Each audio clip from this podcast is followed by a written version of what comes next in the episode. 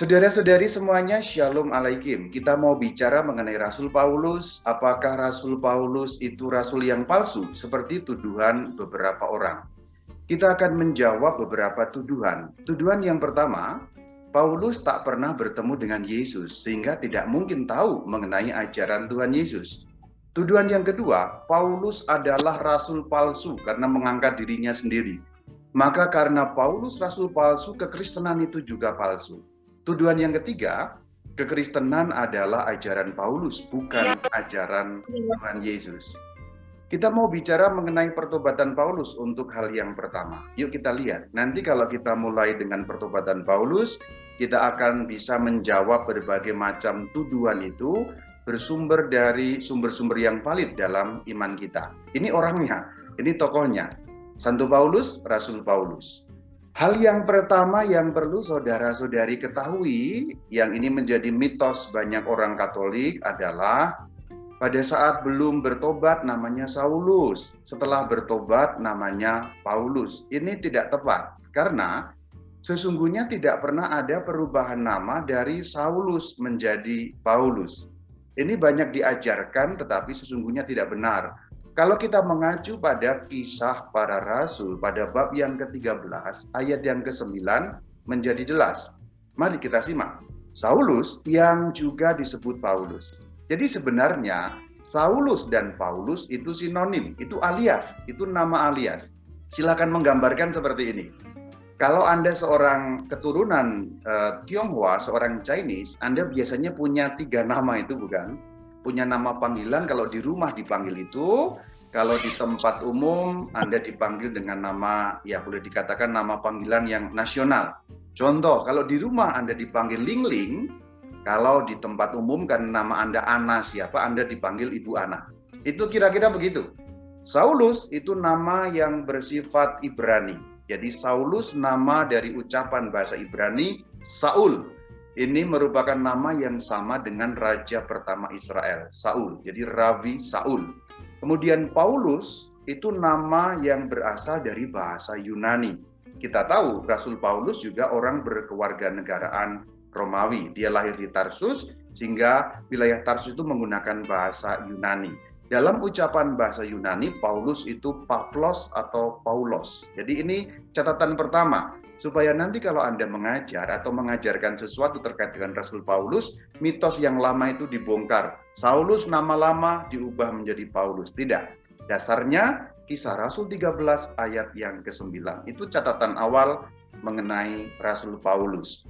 Bagaimana sih awal munculnya Saulus alias Paulus ini? Awal munculnya kita dapat mendeteksi di dalam kisah Rasul 7 ayat 58. Itu persoalan uh, perajaman Stefanus. Kita baca, mereka menyeret dia, dia maksudnya Stefanus, keluar kota lalu melemparinya. Dan saksi-saksi meletakkan jubah mereka di depan kaki seorang muda yang bernama Saulus. Selanjutnya, bagaimana proses pertobatannya? Kan sebelumnya itu menghancurkan orang Kristen atau waktu itu namanya belum Kristen, namanya adalah kelompok jalan Tuhan. Jadi sebenarnya nama Kristen datang belakangan, awalnya jalan Tuhan atau murid-murid Tuhan, baru kemudian menjadi nama Kristen ketika di Antioquia. Awal mulanya kita dapat mendeteksi dalam kitab Praksis Apostolon, yaitu pada pasal yang ke-9 ayat pertama dan seterusnya. Kita baca. Sementara itu berkobar-kobar hati Saulus untuk mengancam dan membunuh murid-murid Tuhan. Jadi perhatikan ada kata mengancam dan membunuh murid-murid Tuhan. Bahkan dikatakan ia menghadap Imam Agung. Selanjutnya, meminta surat kuasa daripadanya untuk dibawa kepada majelis-majelis Yahudi di Damsyik. Selanjutnya apa yang terjadi? Pada ayat yang ketiga, orang sudah banyak umumnya tahu ya. Dalam perjalanan menuju Damsyik, pada ayat ketiga kita baca, setelah dekat kota itu ada cahaya memancar dari langit, lalu ada suara yang memanggil, Saulus, Saulus. Pada ayat yang keempat, dikatakan ada suara. Lalu suara itu mengaku, siapa dia? Akulah Yesus. Pada ayat yang keenam dikatakan, bangunlah, pergilah nanti akan dikatakan kepadamu apa yang harus kau perbuat. Di saat yang sama, Tuhan juga bersabda kepada seseorang yang bernama Ananias. Ananias ini sudah menjadi pengikut Tuhan Yesus. Nah kemudian Ananias awalnya takut karena dia tahu Saulus sudah terkenal front pembela Yahudi. Hmm. Jadi sudah terkenal ganas, suka teriak-teriak, suka menghancurkan, pakai jubah yang panjang-panjang, pakai yang gitu-gitulah. Kita tahu lah ya, kalau zaman sekarang kurang lebih yang kemarin-kemarin itulah ya. Tapi ini konteksnya orang Yahudi ya. Awalnya takut, tapi kemudian Ananias diberi perintah oleh Tuhan. Akhirnya mau melaksanakan tertulis dalam Praksis Apostolon atau Kisah Para Rasul pada pasal yang ke-9 ayat yang ke-17. Lalu pergilah Ananias ke situ dan masuk ke rumah itu. Ia menumpangkan tangannya ke atas Saulus. Lalu dikatakan, ada kata-katanya di situ. Intinya Saulus diberi firman, Ananias diberi firman, kemudian dipertemukan di sana. Dan akhirnya ditumpangi tangan lalu dibaptis.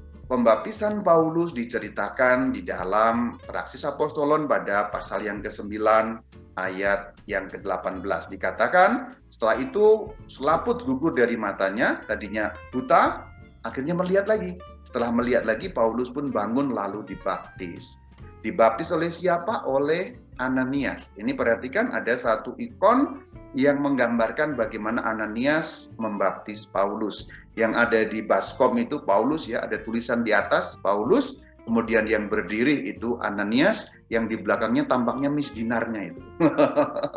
di atas ada tulisan Precepto Christi Baptistatur Paulus ab Ananias. Menerima Kristus, Paulus dibaptis oleh Ananias. Itu arti dari tulisan di sana. Jadi setelah uh, gugur selaput dari mata kemudian dibaptis. Ini cerita sudah kita tahu ya. Uh, pembaptisan Paulus terjadi di kota Damsik berarti kota Damsik itulah titik nol kilometer dari Paulus yang kemudian menjadi rasul yang besar. Ini cerita awalnya. Saulus alias Paulus bertobat dan dibaptis di kota Damaskus. Damaskus, Damsyik itu sinonim, itu ucapan yang berbeda bahasa, tapi artinya sama, Damaskus, Damsyik. Di situlah Paulus yang awalnya ingin membunuh orang-orang Kristen justru menerima Sang Kristus. Kemudian dari kota Damsyik, akhirnya pindah ke kota Yerusalem karena ada rencana pembunuhan. Kita lihat, masih dalam kitab yang sama. Praksis Apostolon atau Kisah Para Rasul, bab yang ke-9 ayat ke-23 nyambung ke-24 dan seterusnya. Kita lihat Beberapa hari kemudian, maksudnya adalah beberapa hari setelah Saulus dibaptis. Itu yang dimaksud beberapa hari kemudian. Orang Yahudi merundingkan suatu rencana untuk membunuh Saulus. Kenapa mereka merundingkan suatu rencana untuk membunuh Paulus? Ya tentulah Anda pahamlah. Dulunya mereka kan senang ya, ini ada tokoh yang hebat yang mau memberantas aliran sesat. Harus kita pahami bahwa Menurut orang-orang Yahudi pada zaman itu, orang-orang Kristen itu aliran sesat. Karena mereka kan orang-orang Yahudi yang dianggap menyimpang dari ajaran Yahudi. Nah setelah itu pemimpinnya malah berbalik. Saulus kan yang memimpin pembantaian itu dan penganiayaan malah berbalik menjadi pengikut orang-orang Kristen. Maka sangat wajar orang-orang Yahudi sakit hati ingin membunuh. Diceritakan pada ayat ke-23. Orang-orang Yahudi merundingkan rencana membunuh Saulus, tetapi diketahui oleh Saulus. Tetapi masalahnya adalah siang malam orang-orang Yahudi itu menjaga pintu gerbang kota supaya dapat membunuh Saulus. Pada zaman kuno, Anda jangan membayangkan kota seperti kita sekarang yang kota itu bebas, nggak ada benteng. Semua kota pada zaman kuno, 2000 tahun yang lalu kurang lebih, ini ceritakan dari 2000 tahun yang lalu semua kota pada zaman kuno itu kota yang berbenteng, sehingga tidak mungkin masuk dan keluar kota dengan seenaknya. Kalau kita sekarang kan misalnya tinggal di Jakarta, nggak ada bentengnya ya, tinggal di Bandung ya nggak ada bentengnya. Tetapi pada zaman kuno semua kota itu dikelilingi benteng, dan benteng itu mengelilingi utuh. Ada beberapa pintu gerbang kota yang membuat orang bisa keluar masuk. Ketika semua pintu dijaga, Paulus tidak mungkin bisa keluar kota dengan selamat. Lalu muncul ide yang brilian. Kita lihat bagaimana ide yang brilian itu tercatat di dalam ayat 25. Kemudian orang-orang pengikut-pengikut Kristus di kota Damaskus menurunkan Paulus dari tembok kota dengan sebuah keranjang. Ini cerita yang berbahaya sesungguhnya. Karena tembok kota pada zaman kuno itu jangan dibayangkan hanya seperti tembok perumahan yang tingginya 3-4 meter ya. Nggak, se, nggak sependek itu, tinggi sekali. Kalau Anda pernah ke kota Yerusalem dan masuk ke kota lama, kurang lebih bisa membayangkanlah tembok kota setinggi apa. Itu temboknya tinggi sekali. Itu seperti kurang lebih ya, kurang lebih tembok kota itu kira-kira kalau kita ukur zaman sekarang bisa seperti empat atau lima lantai tingginya. Jadi setinggi itu. Jadi ini adegan yang sangat berbahaya. Paulus diturunkan dari tembok kota. Kemudian keluar kan dari Damaskus. Ke mana? Setelah itu ke Yerusalem diceritakan dalam ayat 26.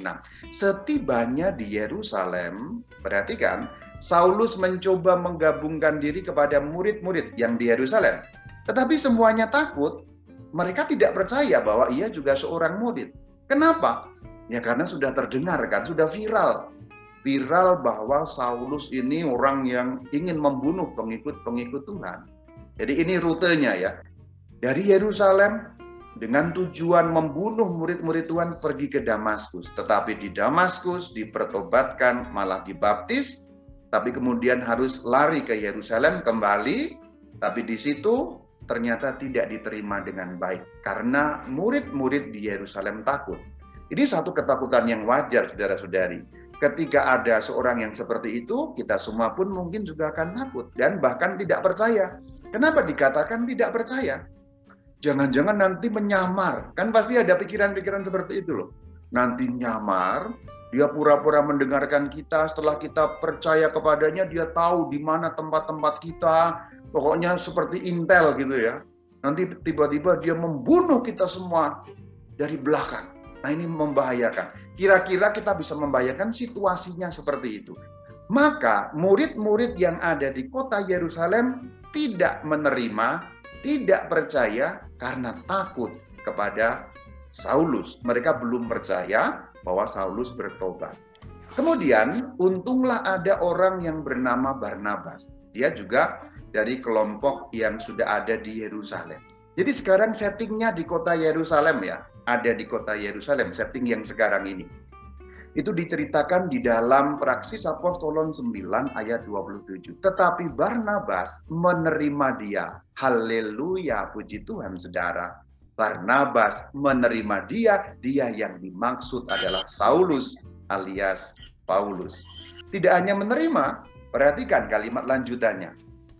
Barnabas membawanya. Nya yang dimaksud adalah Paulus. Berarti Barnabas membawa Paulus kepada siapa? kepada rasul-rasul dan menceritakan kepada mereka. Artinya menceritakan bagaimana pertobatannya, bagaimana dia di Damsik dan sebagainya dan sebagainya. Jadi di sini ada kata kunci di dalam kisah Rasul 9 ayat 27 bahwa Barnabas mempertemukan Saulus kepada para rasul. Ini gambarnya saudara-saudari. Anda bisa lihat itu ikonnya ya. Ini ikonografi dari eh, gereja kita. Yang saya beri warna biru, ada panah itu Barnabas. Maka dia merangkul, lalu tangannya seperti memperkenalkan. Lalu yang saya beri panah warna merah itulah Saulus. Yang sekeliling itulah para rasul. Jadi ini adegan yang menggambarkan bagaimana Barnabas menerima Saulus, kemudian mempertemukan Saulus kepada para rasul. Ayatnya jelas ya, Kisah para Rasul bab 9 ayat yang ke-27.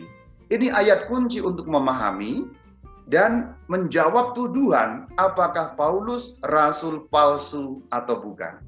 Menjawab tuduhan ini sering kali juga penting karena apa? Di dunia medsos, banyak orang itu bisa berbicara asbun, asal bunyi. Tetapi yang asbun itu kadang-kadang melemahkan juga iman orang Katolik ketika tidak mendapat jawaban yang memuaskan. Di sinilah saya berusaha menjawab berbagai macam tuduhan itu. Kita berhenti di sini dulu. Anda baca kisah Rasul 9 ayat yang ke-27. Di sini ada adegan Saulus bertemu dengan saksi mata dan pelayan firman. Itu persis seperti yang ditulis oleh Lukas di dalam Injilnya, yaitu Lukas 1 ayat kedua dan ayat ketiga. Perhatikan, yang disampaikan kepada kita oleh mereka yang dari semula adalah saksi mata dan pelayan firman. Saksi mata itu maksudnya apa? Yang ketemu langsung dengan Tuhan Yesus, yang diberi ajaran langsung oleh Tuhan Yesus. Siapa itu? Tentulah para rasul. Berarti di sini Saulus bertemu dengan saksi mata kejadian yang diajar langsung oleh Sang Kristus, yang menerima firman langsung dari Sang Kristus, maka disebut pelayan firman dalam Lukas 1 ayat yang kedua. Ini nyambung kepada Injil Lukas untuk menegaskan siapa itu para rasul. Saksi mata kejadian tentang Yesus Kristus, tentang perkataan beliau, tentang tindakan beliau, tentang ajaran beliau, dan segala sesuatu mengenai Yesus Kristus. Berarti Saulus bertemu dengan saksi mata dan pelayan firman. Lalu ada penegasan malah kisah Rasul 9 ayat 28. Saulus tetap bersama-sama dengan mereka. Mereka yang dimaksud secara tersirat tentulah rasul-rasul yang sudah disebut pada ayat ke-27 tadi. Berarti dikatakan Saulus bersama dengan rasul-rasul di kota Yerusalem. Dengan demikian, kata kunci yang atau ayat kunci yang kedua kita temukan di dalam kisah Rasul 9 ayat 28. Ini ayat kunci yang kedua untuk menjawab segala macam tuduhan tadi. Saulus tetap bersama-sama dengan rasul-rasul di kota Yerusalem. Kalau demikian, ketika Saulus bertemu dengan rasul-rasul, Saulus mempelajari ajaran Yesus Kristus. Saulus bertanya kepada para rasul, bisa kepada Petrus, bisa kepada Yohanes, bisa kepada Yakobus atau kepada yang lain-lain. Intinya adalah Saulus hidup bersama dengan para rasul di Yerusalem sehingga ia dapat mempelajari ajaran Kristus. Jadi Paulus di situ boleh dikatakan les privat kepada para rasul. Dengan demikian tuduhan yang pertama terjawab. Tuduhan yang pertama mengatakan Paulus tidak pernah bertemu dengan Yesus, maka tidak mungkin tahu ajarannya. Siapa bilang? Nomor satu, Paulus bertemu dengan Yesus secara spiritual, secara rohani. Tetapi kemudian secara jasmani atau secara duniawi, secara yang kelihatan, Paulus bertemu dengan rasul-rasulnya Tuhan Yesus. Rasul-rasulnya Tuhan Yesus adalah orang-orang yang saksi mata, pelayan firman, yang tahu persis ajaran Tuhan Yesus. Sehingga rasul-rasul di Yerusalem itu mengajarkan ajaran Tuhan Yesus kepada Saulus.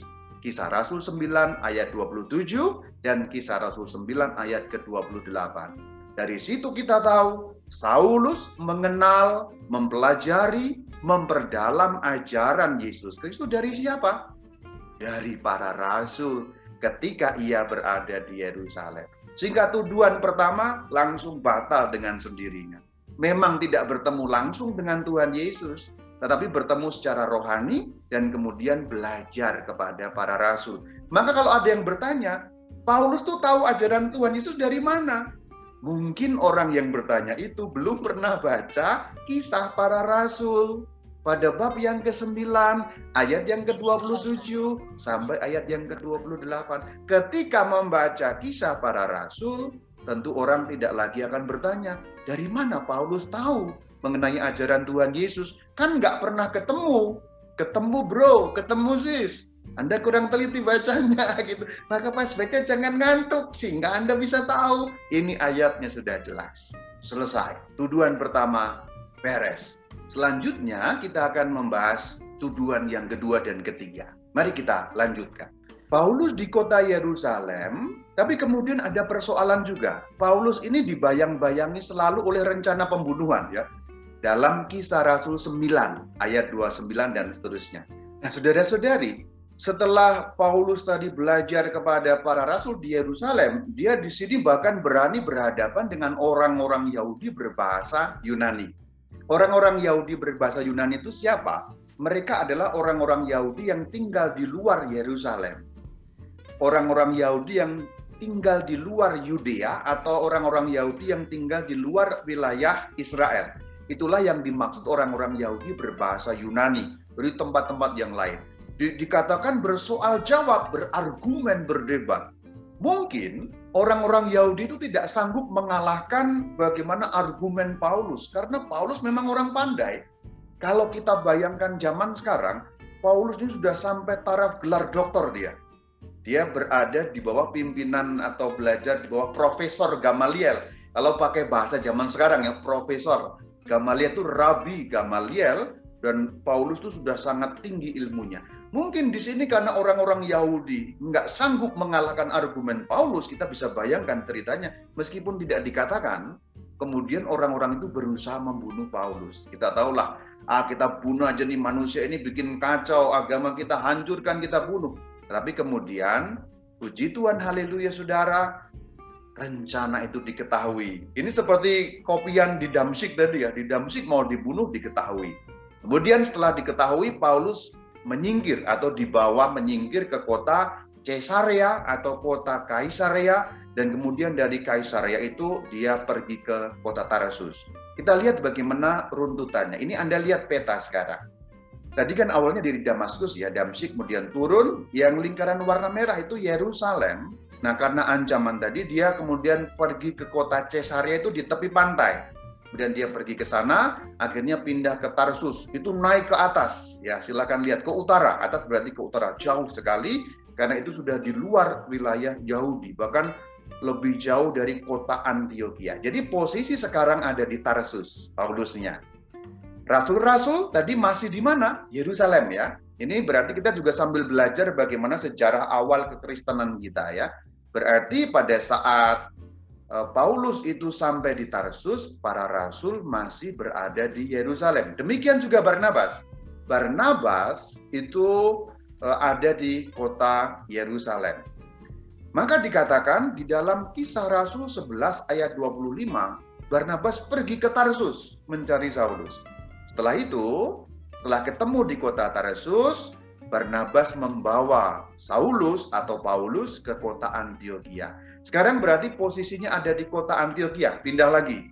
Jadi ini asik rutenya ya, Damaskus, Yerusalem, Yerusalem, Kaisarea, Kaisarea, Tarsus, Tarsus, akhirnya sekarang ke kota Antioquia. Apa yang terjadi di kota Antioquia? Ada suatu ya bencana boleh dikatakan sehingga bencana itu membuat uh, apa kelaparan atau uh, boleh dikatakan kekurangan ya. Sehingga orang-orang Antioquia ini mengumpulkan bantuan. Jadi pada suatu hari murid-murid di Antioquia yang dimaksud murid-murid berarti siapa? Pengikut-pengikut Yesus. Pengikut jalan Tuhan atau pengikut agama Kristen. Waktu itu di Antioquia sudah muncul istilah Kristen pada kisah Rasul 11 ayat 26. Karena ada kekurangan di Yudea, Yudea berarti Yerusalem dan sekitarnya itu ya.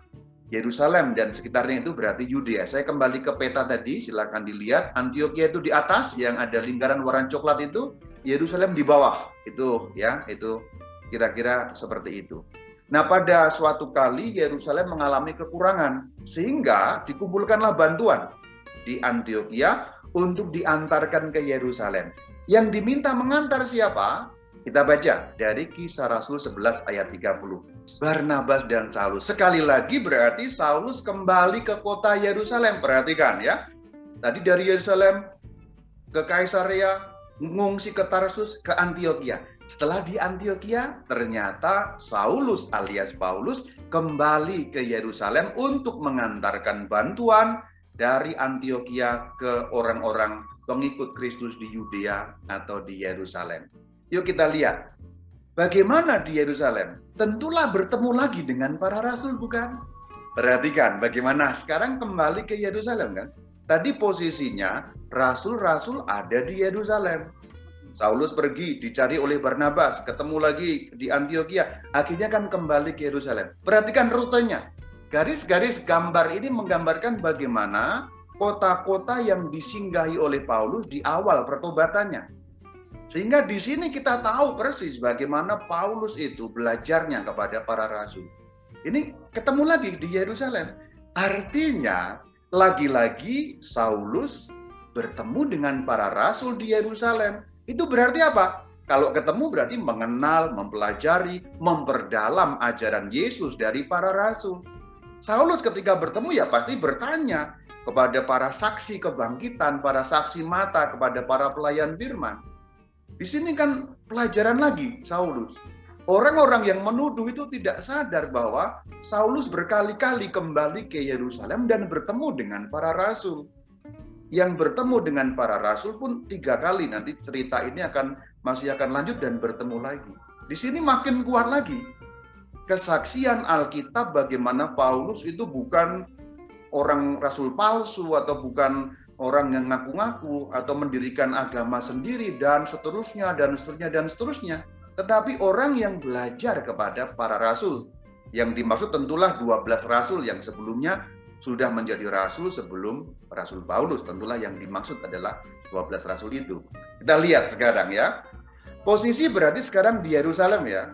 Kemudian mereka kembali, yaitu Barnabas dan Saulus. Kembali dari Yerusalem ke mana? Ke Antioquia lagi. Diceritakan di dalam kisah Rasul 12 ayat ke-25. Barnabas dan Saulus kembali dari Yerusalem. Jadi sekarang posisinya kembali ke Antioquia. Ini dua kota penting yang Saulus beberapa kali kembali. Antioquia, Yerusalem, Yerusalem, Antioquia. Dua kota ini. Kalau yang lain Damaskus, Caesarea, Tarsus, hanya diceritakan yang tadi itu. Tetapi dua kota penting ini. Dan memang pada awal kekristenan dua kota ini penting sekali saudara-saudari. Di Yerusalem itu pusat kekristenan awal. Agama Kristen itu lahir di kota suci Yerusalem. Itulah pusatnya di situ. Antioquia itu juga pada akhirnya menjadi pusat agama Kristen juga. Bahkan di sana ada banyak orang-orang non-Yahudi. Kalau Yerusalem, orang-orang Kristennya awalnya Kristen Yahudi kalau di Antioquia, Kristen Yahudi dan Kristen yang non-Yahudi. Jadi orang Yunani, orang Romawi, orang Syria, orang macam-macam ada di Antioquia dan menjadi pengikut ajaran Tuhan Yesus. Pendek kata, posisi terakhir sekarang Antioquia kembali. Lalu ada suatu firman Tuhan, firman Roh Kudus yang mau mengkhususkan Barnabas dan Saulus untuk suatu tugas khusus. Nanti kita akan tahu tugas khusus itu apa. Tapi sebelumnya kita baca kisah Rasul 13 ayat yang kedua. Perhatikan yang dicetak warna kuning dari nas yang disebut dalam kisah Rasul 13 ayat 2 ini. Khususkanlah Barnabas dan Saulus. Bagiku berarti bagi Tuhan, bagi Roh Kudus, bagi Allah sendiri untuk tugas yang telah kutentukan bagi mereka, bagi Barnabas dan Paulus. Tugasnya apa? Kepada bangsa-bangsa lain. Nanti buktinya akan saya sampaikan di bagian belakang. Tapi ini firmannya dulu saya sampaikan. Ini terjadi di kota Antioquia. Nah, di kota Antioquia saya ceritakan untuk nyambung kepada bagian selanjutnya yaitu rapat para rasul atau konsili Yerusalem atau sinode Yerusalem. Istilahnya bisa macam-macam. Saya lebih suka rapat karena mereka mengadakan rapat. Konsili juga boleh. Saya memberi latar belakang dulu ya. Kembali ke peta yang tadi itu, Yerusalem dan Antioquia. Pada masa itu ini menjadi kota yang penting. Roma nanti baru belakangan setelah Rasul eh, Petrus pindah ke kota Roma. Itu tidak kita bahas. Kalau Anda pengen tahu mengenai Rasul Petrus, Anda boleh pergi ke YouTube Katkit kata kisah sedikit saya membahas dalam delapan seri mengenai Rasul Petrus, bagaimana dari Yerusalem ke Antioquia sampai ke kota Roma. Promosi sedikit nggak apa-apa ya, supaya Anda tahu tentang Roma. Ini sekarang saya bahas dulu Yerusalem dan Antioquia. Pada masa awal, kedudukannya seperti ini. Awalnya munculkan kekristenan di Yerusalem. Dan 3.000 orang dibaptis. 3.000 orang itu semuanya orang Yahudi. Baik Yahudi tulen, Yahudi asli maupun orang bangsa lain yang menjadi Yahudi. Tapi singkatnya orang Yahudi berarti semua bersunat. Secara bahasa gampangnya, orang-orang Kristen awal yang di Yerusalem semuanya bersunat. Jadi golongan orang bersunat yang menjadi Kristen. Tetapi di Antioquia itu campuran. Ada orang-orang Yahudi yang menjadi Kristen, berarti bersunat. Yahudi kan pasti bersunat ya. Kemudian ada juga orang-orang bangsa lain Nah, bangsa lain ini tidak bersunat. Jadi, secara gampangnya, Yerusalem itu kotanya orang Kristen bersunat. Antioquia kotanya orang Kristen campuran. Yang bersunat campur dengan tidak bersunat. Itu menimbulkan masalah pada awalnya. Kenapa? Karena pada awalnya orang-orang pengikut Kristus kan semuanya Yahudi 12 murid itu Yahudi, 70 murid itu Yahudi, 500 murid itu Yahudi, 3000 orang yang dibaptis pertama juga Yahudi. Artinya dalam bahasa saya auto sunat. Jadi mereka sudah dalam keadaan tersunat ketika menjadi pengikut Kristus. Ketika ada orang tidak bersunat menimbulkan tanda tanya. Tanda tanyanya apa? ini harus sunat apa enggak ya? Untuk menjadi pengikut Kristus harus bersunat apa tidak? Itulah persoalan awalnya. Lalu ada memang perbedaan pendapat. Ada yang berpendapat untuk mengikuti Kristus wajib sunat. Bahkan ada yang meluaskan lagi, harus juga ikut hukum Musa. Ada juga pendapat yang mengatakan tidak harus. Lalu ada perpecahan pendapat. Wajib sunat, tidak wajib.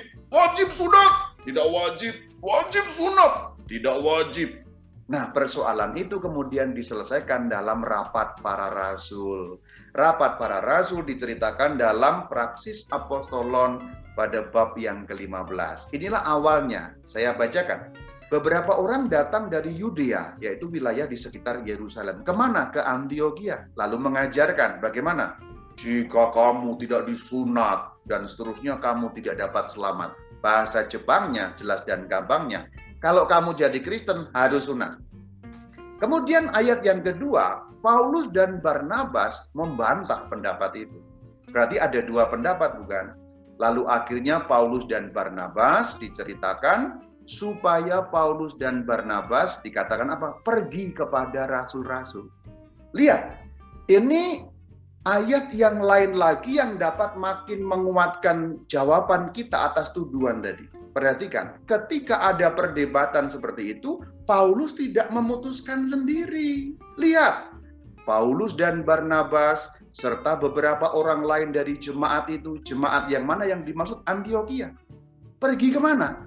Pergi kepada rasul-rasul dan penatua-penatua, presbiter maksudnya, romo-romo kalau dalam bahasa kita sekarang, di Yerusalem. Tapi intinya adalah rasul. Artinya, Paulus bukan mengikuti kemauannya sendiri, Paulus bukan mengikuti ajarannya sendiri, Paulus mengakui wewenang dan otoritas rasul-rasul di Yerusalem. Terbukti, Paulus kemudian pergi ke Yerusalem menemui para rasul untuk apa? Membicarakan soal itu. Kalau tuduhan tadi itu, itu ajarannya Paulus. Kalau tuduhan itu benar, kan harusnya Paulus memutuskan sendiri. Nggak ambil pusing dengan para rasul di Yerusalem dong. Membuat ajaran sendiri, nggak harus sunat, selesai. Nggak peduli dengan para rasul di Yerusalem. Kan harusnya bisa begitu logisnya ya. Tetapi tidak. Paulus pergi ke Yerusalem. Karena apa? Mengakui otoritas para rasul, sekaligus juga menyatakan persekutuan. Maksudnya berarti jemaat Antioquia bukan jemaat yang berbeda dengan Yerusalem. Bahasa simpelnya, orang Kristen Antioquia, orang Kristen yang sama juga dengan Yerusalem di bawah pimpinan para rasul, semuanya sama, maka harus membicarakan rapat. Lalu kejadian dalam rapat itu betul terjadi, akhirnya ditetapkan, kemudian pergi menuju Yerusalem. Berarti Paulus untuk ketiga kalinya bertemu lagi kan dengan para rasul. Nah inilah yang penuduh-penuduh asal bunyi itu nggak tahu. Dikiranya para penuduh itu mengira begitu Paulus dibaptis langsung dia mengajar semau-maunya menurut ajarannya sendiri. Oh tidak saudara. Dalam kenyataannya di bagian-bagian awal pertobatan Paulus bertemu dengan para rasul, nanti ketemu lagi dengan para rasul, dan sekarang Saulus bertemu lagi dengan para rasul. Artinya di situ ada proses mengenali, mempelajari, memperdalam. Dari siapa? Ya dari para rasul. Sekaligus mengakui otoritas rasul. Itulah kenapa pergi kepada para rasul ke Yerusalem. Bukan memutuskan sendiri karena apa? Semua di bawah kepemimpinan para rasul dengan tokoh utamanya yaitu Petrus yang diangkat Tuhan sebagai ketuanya para rasul. Kita makin mengerti saudara bahwa penuduh-penuduh itu sesungguhnya asbun, asal bunyi. Tapi ini penting juga kita dalami supaya kita orang Katolik mengetahui duduk perkaranya dan tahu landasan-landasan yang valid bagaimana proses belajarnya Paulus mengenai iman akan Yesus Kristus. Haleluya, saudara.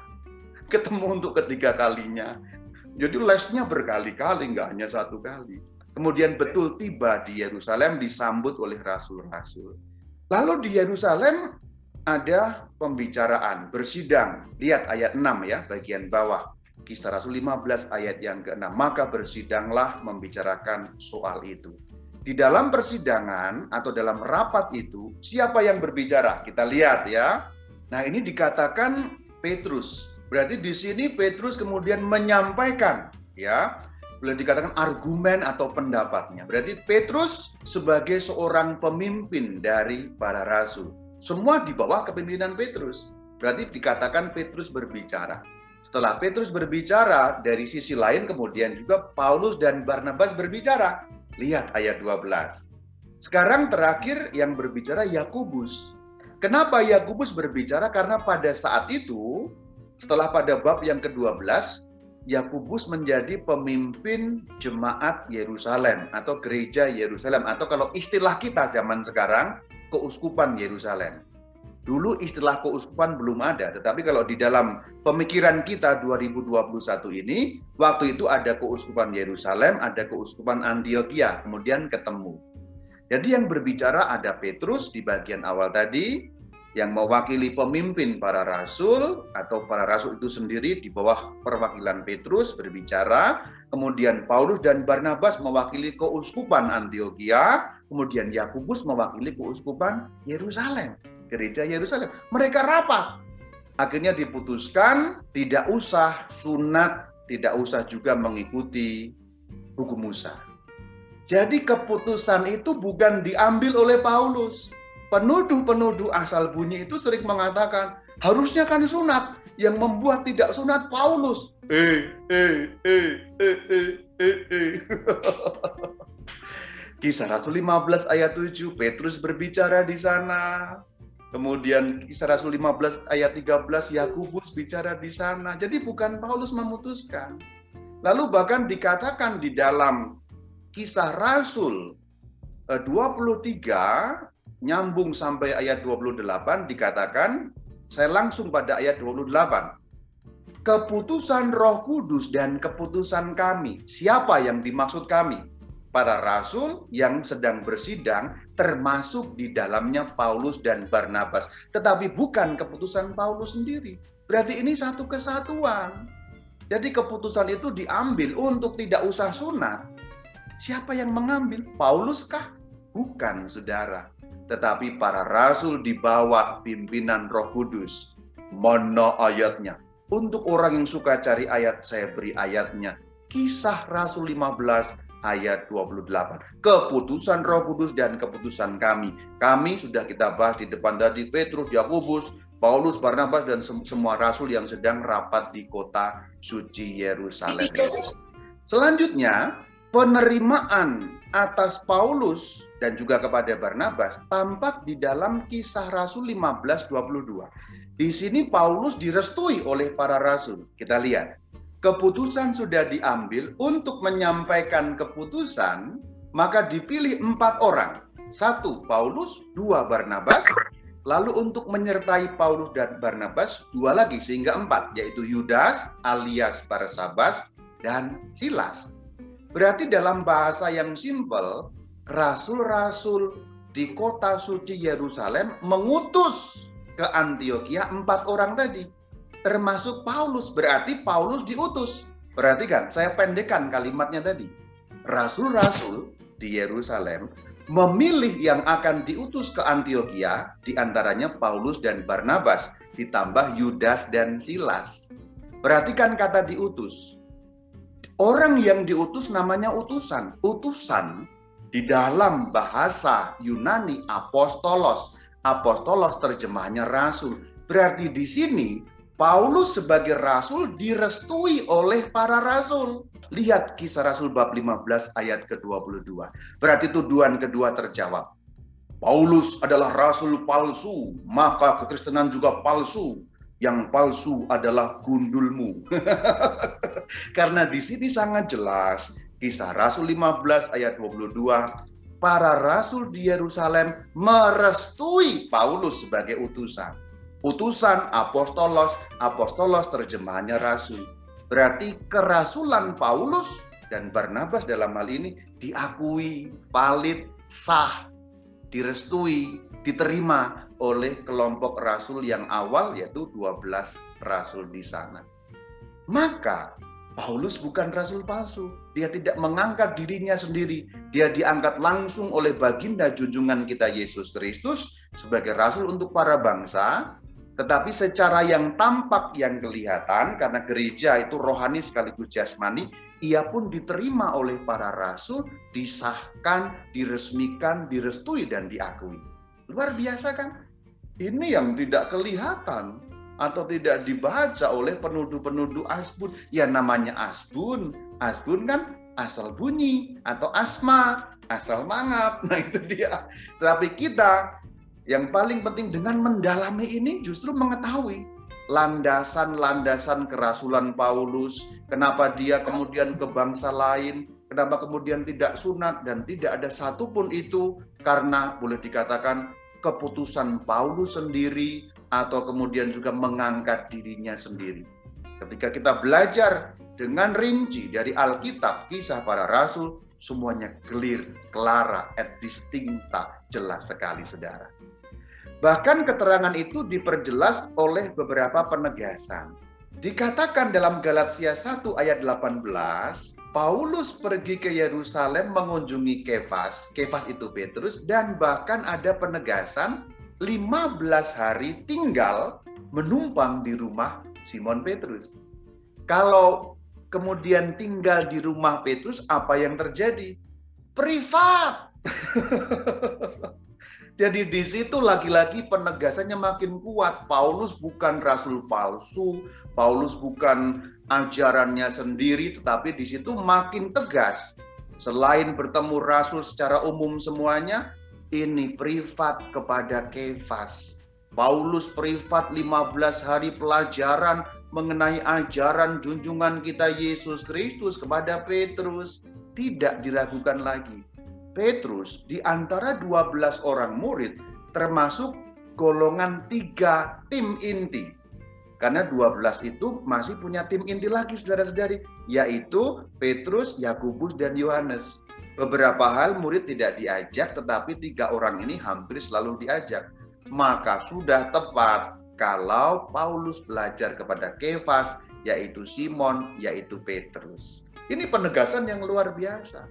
Bahkan kalau kita lihat Galatia 2 ayat yang ke-9, penegasannya makin kuat lagi dan tidak terbantahkan. Ini sekaligus menjawab tugas khusus apa yang diberikan kepada Paulus dan Barnabas yang tadi sudah kita dengar di bagian awal. Tugas khususnya apa? Dijelaskan dalam Galatia 2 ayat yang ke-9. Perhatikan baik-baik. Di dalam Galatia 2 ayat yang ke-9 dikatakan, ada dua boleh dikatakan kelompok. Kelompok pertama Yakobus, Kefas, Yohanes. Kita tahu Kefas itu Petrus. Kelompok yang kedua Paulus dan Barnabas. Lalu mereka melakukan apa? Jabat tangan. Jabat tangan sebagai tanda apa? Persekutuan. Di dalam bahasa Jepang jelas dan gampang, mereka menyatakan ini bukan kelompok yang berbeda, ini bukan agama yang berbeda, ini bukan ajaran yang berbeda, tapi ini ajaran yang sama, ajaran Sang Kristus. Tapi hanya ada pembagian tugas, pelayanan atau tugas karya mewartakan Yesus. Pembagiannya bagaimana? Yang disepakati. Yang disepakati adalah kami, kami yang dimaksud itu Paulus dan Barnabas pergi kepada orang-orang tidak bersunat. Itulah tugas khusus yang disebut di bagian awal tadi. Dan mereka, mereka yang dimaksud, Yakobus, Petrus, Yohanes, kepada orang-orang yang bersunat. Nah kemudian pada era-era selanjutnya memang menjadi seperti sudah terbagi seperti itu. Paulus pergi kepada orang-orang tidak bersunat, maksudnya non-Yahudi, maka Paulus disebut rasul bangsa-bangsa lain orang-orang pagan, orang-orang kafir, goyim, non-Yahudi tidak bersunat. Sementara Petrus, Yakobus, Yohanes mewartakan Injil kepada orang-orang yang bersunat, artinya orang-orang Yahudi. Tetapi itu bukan dua kelompok berbeda dan tidak ada perpecahan. Tidak ada ajaran Paulus yang menyimpang dari ajaran Yesus. Perhatikan baik-baik, tanda persekutuan. Yang bersunat dan yang tidak itu bersekutu satu dalam nama Yesus Kristus. Dengan demikian saudara-saudari, haleluya saudara, haleluya saudara. kekristenan adalah ajaran Paulus, itu tuduhannya kan? Kekristenan adalah ajaran Paulus, bukan ajaran Yesus. Lantang sekali mereka menuduh, padahal isi kepalanya kosong, tidak ada apa-apa. Kita sudah tahu sebagai orang Katolik, Yakobus, Kefas, Yohanes berjabat tangan dengan Paulus dan Barnabas tanda persekutuan. Persekutuan itu kesatuan. Tidak ada ajaran Paulus, yang ada ajaran Yesus Kristus yang kemudian dilanjutkan oleh para rasulnya. Paulus tergabung menjadi bagian dari para rasul yang datang belakangan di luar kelompok 12 rasul dan kita sudah lihat di depan direstui, diakui, disahkan oleh para rasul itu sendiri dari kelompok 12. Dengan demikian, tuduhan ketiga pun terjawab. Kekristenan adalah ajaran Paulus. Bukan. Kekristenan ajaran Yesus. Paulus hanya melanjutkan apa yang diajarkan oleh Yesus. Dan Paulus belajar dari para rasul yang ada sebelum dia. Dan penegasan terakhir dikatakan oleh Paulus sendiri, 1 Korintus 11 ayat 23. Perhatikan, ini memang secara khusus bicara mengenai perayaan Ekaristi, tetapi ini juga bisa diperluas dalam konteks seluruh ajaran. Apa yang telah ku teruskan kepadamu, ku berarti aku, akunya Paulus, munya itu umat atau jemaat, telah aku, Paulus, terima dari Tuhan. Berarti semua yang diajarkan Paulus, itu diterima dari Tuhan, dari Tuhan Yesus. Berarti ajarannya Paulus, ajarannya Tuhan Yesus. Memang secara duniawi, secara jasmani, Paulus belajar kepada para rasul. Dan kita sudah lihat bukti-buktinya tadi dalam kisah para rasul. Saya sengaja memilih kisah para rasul. Kenapa? Karena di dalam kisah para rasul kita bisa melihat sesuatu yang objektif, katakanlah begitu. Simpelnya begini, kalau saya mengutip surat-surat Paulus sebagai bukti, nanti orang masih ngeyel. Lah itu kan Paulus sendiri. Paulus membela dirinya. Kamu ngutipnya surat Paulus sih. Saya sengaja mengutip kisah para rasul. Kisah para rasul bukan tulisan Paulus. Kisah para rasul tulisannya Lukas. Berarti yang diceritakan itu bukan versinya Paulus sendiri, tapi versinya Lukas. Artinya kalau saya mengutip kisah para rasul, apa yang dikutip objektif sehingga orang tidak lagi bisa menuduh itu Paulus versinya sendiri. Tidak, ini versi kisah para rasul. Sudah jelas. Bolak-balik, bolak-balik Yerusalem ketemu dan seterusnya. Sampai di sini terakhir sudah selesai, tetapi ada bonus mengenai lima kota yang tadi itu. Kita sudah menjawab tuduhan-tuduhan. Tuduhan pertama terpental, tuduhan kedua terpental, tuduhan ketiga terpental, dan kaum Asbun itu hanya sekedar seperti anjing menggonggong, kafilah tetap berlalu. Dan kafilahnya sudah makin pintar dengan mendapatkan pelajaran dari kisah para rasul. Kesimpulannya adalah Paulus bukan rasul palsu. Paulus belajar dari para rasul yang lain. Paulus dikuatkan oleh para rasul yang lain dan Paulus diakui oleh para rasul yang lain. Ketika ada masalah, Paulus pun berkonsultasi tanda persekutuan mereka menyatu bukan kelompok yang berbeda karena semua mengajarkan ajaran Sang Kristus Tuhan juru selamat kita. Haleluya, Saudara. Katakan amin yang setuju, katakan haleluya, Saudara. Bonus lima kota. Saya mau hanya simpel saja membahas kota-kota yang tadi dilalui Paulus di awal. Sebenarnya lebih dari lima kota.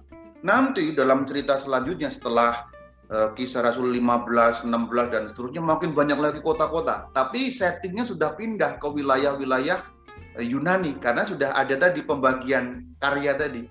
Paulus kepada orang-orang tak bersunat. Tapi ini yang awal-awal tadi ya. Dari kota Damaskus yang kemudian bertobat dan dibaptis, kemudian ke Yerusalem, menyingkir ke Caesarea, lalu sampai ke Tarsus, dicari oleh Barnabas, lalu ke Antioquia, bolak-balik, bolak-balik tiga kali Yerusalem, Itulah yang akan kita bahas. Ada lima kota awal. Jadi ini lima kota sebagai awal kerasulan Paulus. Kota pertama Damaskus. Kota Damaskus, nama lainnya kota Damsyik ini ada di Syria. Dan sekarang kota itu juga masih ada sebagai ibu kota Syria. Memang akhir-akhir ini terjadi banyak kekacauan di Syria karena ya kita tahulah pemberontak-pemberontak dan sebagainya itu menghancurkan banyak tempat. Tapi kotanya itu masih ada dan juga peninggalan-peninggalan kuno di kota itu juga masih ada gerbang-gerbang kuno dan lain sebagainya dan lain sebagainya. Nama internasional memang Damaskus, tapi Alkitab menyebut nama itu Damsyik, eh, Damaskus, Damsyik sebenarnya nama yang sama. Itu kota Damsyik, kota Damaskus yang ada di Syria. Sampai sekarang kotanya masih ada sebagai kota modern. Yang kedua Yerusalem, kita tahu Yerusalem masih ada sampai sekarang. Itu di Israel dan di Palestina. Foto kalau kita lihat seperti ini yang sangat terkenal atau sangat ikonik. Ini zaman sekarang kalau kita foto kota Yerusalem atau Anda pernah uh, bersiarah ke Yerusalem, uh, Anda pasti diajak berfoto di wilayah ini. Ini kita lihat dari sebelah timur. Jadi kalau melihat foto ini, kita sedang menghadap ke barat. Yang ada kubah emas itu masjid, masjid uh, Batu Sokroh. Di kompleks itulah dulunya berdiri bait suci. Dan ini benteng kunonya masih terlihat. Ini ada benteng, jadi ini kota lama di sekitar itu. Di belakang sedikit, ya, berarti di sebelah barat, Uh, mungkin tidak terlalu kelihatan di foto, tapi ada sedikit. Kalau ada kursor Anda bisa lihat itu di situ dengan ada kubah juga itu namanya adalah gereja makam kudus di sana di belakang kompleks Bait Suci. Lalu ada tembok barat di sebelah sini di, di dekat Masjid Al-Aqsa. Inilah Yerusalem di Israel dan Palestina. Masih rebutan sampai sekarang, terutama Yerusalem Timur yang hari ini tetap masih diperebutkan dan belum selesai. Maka saya menyebutnya Israel Palestina, dua negara yang rebutan satu wilayah soal-soal politis sampai hari ini. Ini ada gerbang di sebelah timur namanya gerbang emas. Jadi Yesus Kristus Tuhan dulu masuk dari sebelah timur pada saat perayaan uh, Minggu Palem. Ya, Yesus itu sudah naik ke kota Yerusalem dari arah timur karena beliau datang dari Bukit Zaitun. Oh ya, foto ini diambil dari Bukit Zaitun. Nanti saya perlihatkan sisi yang lain. Untuk Anda yang pernah ke Yerusalem, pasti sedikit terbayanglah uh, bagaimana kisahnya. Kemudian kota berikutnya Caesarea, itu kota pinggir pantai. Sampai hari ini masih ada kotanya meskipun uh, ya boleh dikatakan yang sebenarnya nyambung juga. Sekarang dinamakan kota Caesarea. Ya, Caesarea itu Caesarea atau Kaisarea itu ada di wilayah Israel itu kotanya memang di tepi pantai. Pada zaman kuno merupakan kota pelabuhan yang penting yang menghubungkan wilayah-wilayah di Timur Tengah dengan wilayah di Eropa dan seterusnya Yunani dan macam-macam wilayah di Laut Mediterania itu. Ini Kaisariah dilihat dari atas yang ada di negara Israel. Kemudian Tarsus itu di wilayah Turki sekarang. Kita juga bisa melihat bagaimana peta kota Tarsus kalau kita klik di Google Map itu sudah akan muncul dengan sendirinya.